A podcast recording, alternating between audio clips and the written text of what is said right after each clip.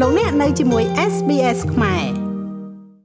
ខ្ញុំបាទមេងផល្លាមានសេចក្តីរាយការណ៍និយម2ប៉ូលីសបន្តចាប់មេដឹកនាំសហជីពដែលតវ៉ានៅក្រុមហ៊ុន Casino Naga World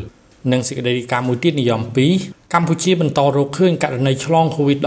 បំលែងថ្មីប្រភេទ Omicron 10នាក់ទៀតជាដំបូងខ្ញុំបាទមានសេចក្តីរាយការណ៍និយម2ប៉ូលីសបន្តចាប់មេដឹកនាំសហជីពដែលតវ៉ានៅក្រុមហ៊ុន Casino Naga World ប៉ូលីសក្រុងភ្នំពេញបានចាប់ខ្លួនមេដឹកនាំសហជីពនៅក្រុមហ៊ុន Casino Naga World ក្នុងរាជធានីភ្នំពេញដោយអះអាងថាអ្នកទាំងនោះជាអ្នកដឹកនាំធ្វើបាតកម្មតវ៉ាដោយខុសច្បាប់បង្កការញុះញង់ដែលប៉ះពាល់ដល់សន្តិសុខសង្គមការចាប់ខ្លួនមេដឹកនាំសហជីពទាំងនោះគឺអនុវត្តទៅតាមដីការបស់តុលាការកាលពីរសៀលថ្ងៃទី4ខែមករាយ៉ាងហោចណាស់មានមេដឹកនាំសហជីព3នាក់ទៀតត្រូវបានប៉ូលីសចាប់ខ្លួនជាបន្តបន្ទាប់ក្នុងនោះ មានស្ត្រីឈ្មោះឈឹមស៊ីថជាមេដឹកនាំសហជីពប្រចាំក្រុមហ៊ុនកាស៊ីណូ Naga World ត្រូវបានប៉ូលីសស្លៀកពាក់ឯកសណ្ឋានស៊ីវិលចាប់អូសបញ្ចូលឡាន នៅមុខស្ថានទូតអូស្ត្រាលីជាប់របងរដ្ឋសភា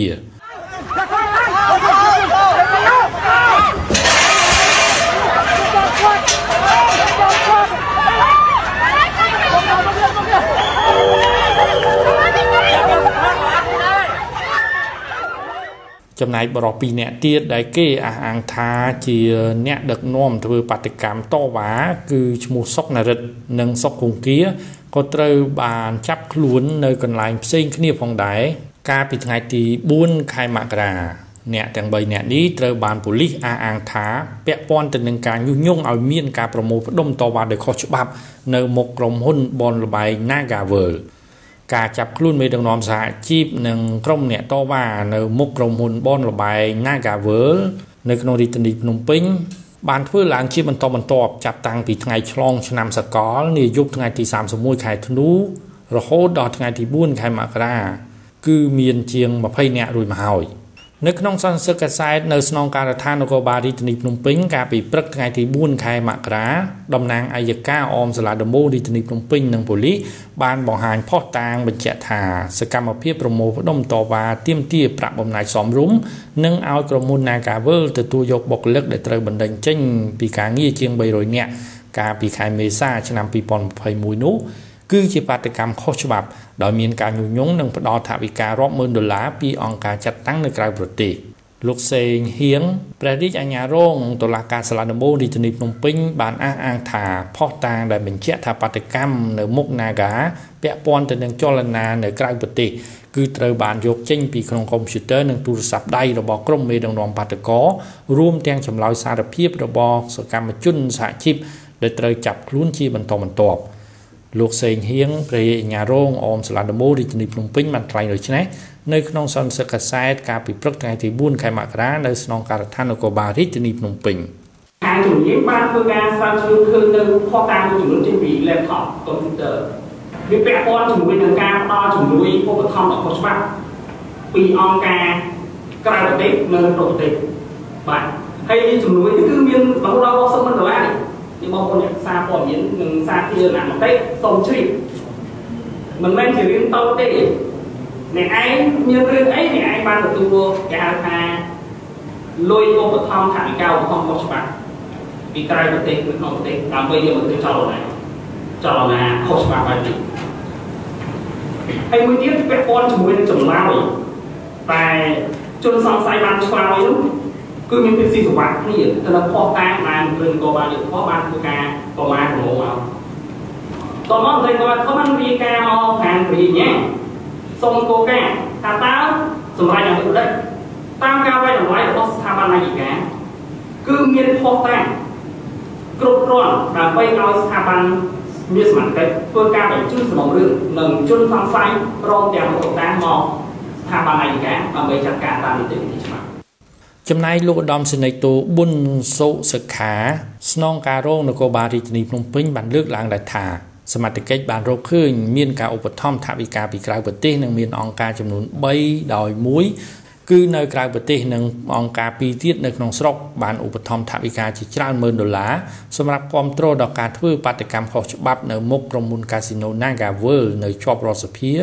តាមរយៈការផ្ទេរថវិកាតាមធនាគារតាមដំណាក់កាលដើម្បីធ្វើបាតកម្មហើយក្នុងការបញ្ជូនលុយគឺទម្លាក់ទៅឲ្យមនុស្សម្នាក់ ហើយមនុស្សម្នាក់នោះបានផ្ទេរបន្តចេញទៅឲ្យមេដឹកនាំបាតកម្មគឺកញ្ញាឈឹមស៊ីធដែលត្រូវបានចាប់ខ្លួននៅរុស្ស៊ីថ្ងៃទី4ខែមករានៅមុខស្ថានទូតអូស្ត្រាលីប្រចាំកម្ពុជានៅល្ងាចថ្ងៃទី4ខែមករាក្រុមអង្គការសង្គមស៊ីវិលសហជីពសហភាពសហព័ន្ធសហជីព សមាគមរួមទាំងសហគមន៍ដីធ្លីជាង100ស្ថាប័នបានចេញសេចក្តីថ្លែងការណ៍រួមដោយសម្ដែងនៅការខកចិត្តជាខ្លាំងចំពោះវិធានការរបស់សមាជិកដែលដឹកនាំដោយស្នងការនគរបាលរាជធានីភ្នំពេញបានចាប់ឃាត់ខ្លួនគណៈដឹកនាំសហជីពប្រតិភូចរចានិងសកម្មជនសហជីពត្រួតត្រងសិទ្ធិការងារបុគ្គលិកកម្មករខ្មែរនៃក្រុមហ៊ុន Naga World ចំនួន9នាក់ ទាំងយប់កាលពីថ្ងៃទី31ខែធ្នូឆ្នាំ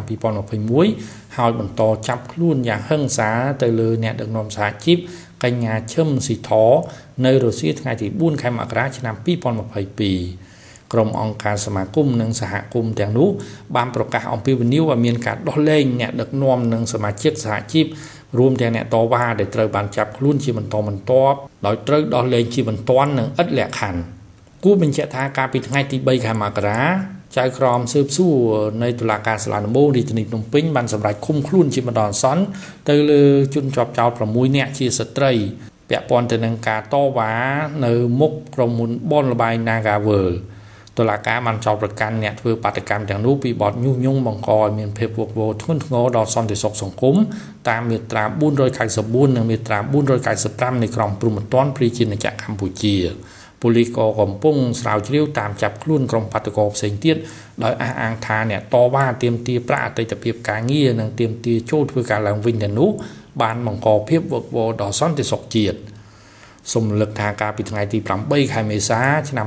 2021អំឡុងពេលជំងឺ Covid-19 ឆ្លងរាលដាលខ្លាំងនៅកម្ពុជាក៏ដូចជាពិភពលោក ក្រុមហ៊ុន Naga World បានចេញសេចក្តីជូនដំណឹងពីផែនការរៀបចំរចនាសម្ព័ន្ធផ្ទៃក្នុងដែលរួមមានទាំងការកាត់បន្ថយបុគ្គលិកតាមរយៈការបញ្ចប់កិច្ចសន្យាការងារបុគ្គលិកចំនួន365នាក់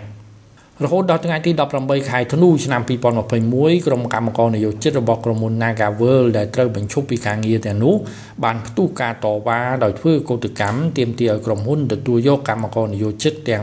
365នាក់ ដែលត្រូវបានបញ្ឈប់ពីការងារដោយបង្ខំនោះចូលធ្វើការឡើងវិញក៏ប៉ុន្តែក្នុងការតវ៉ានោះក៏មានបុគ្គលិកមួយចំនួនដែលមានឈ្មោះត្រូវកាត់ចេញពីការងារបានទាមទារប្រាក់សំណងសមរម្យតាមច្បាប់ការងារចំពោះការបញ្ឈប់ពីការងារនោះ។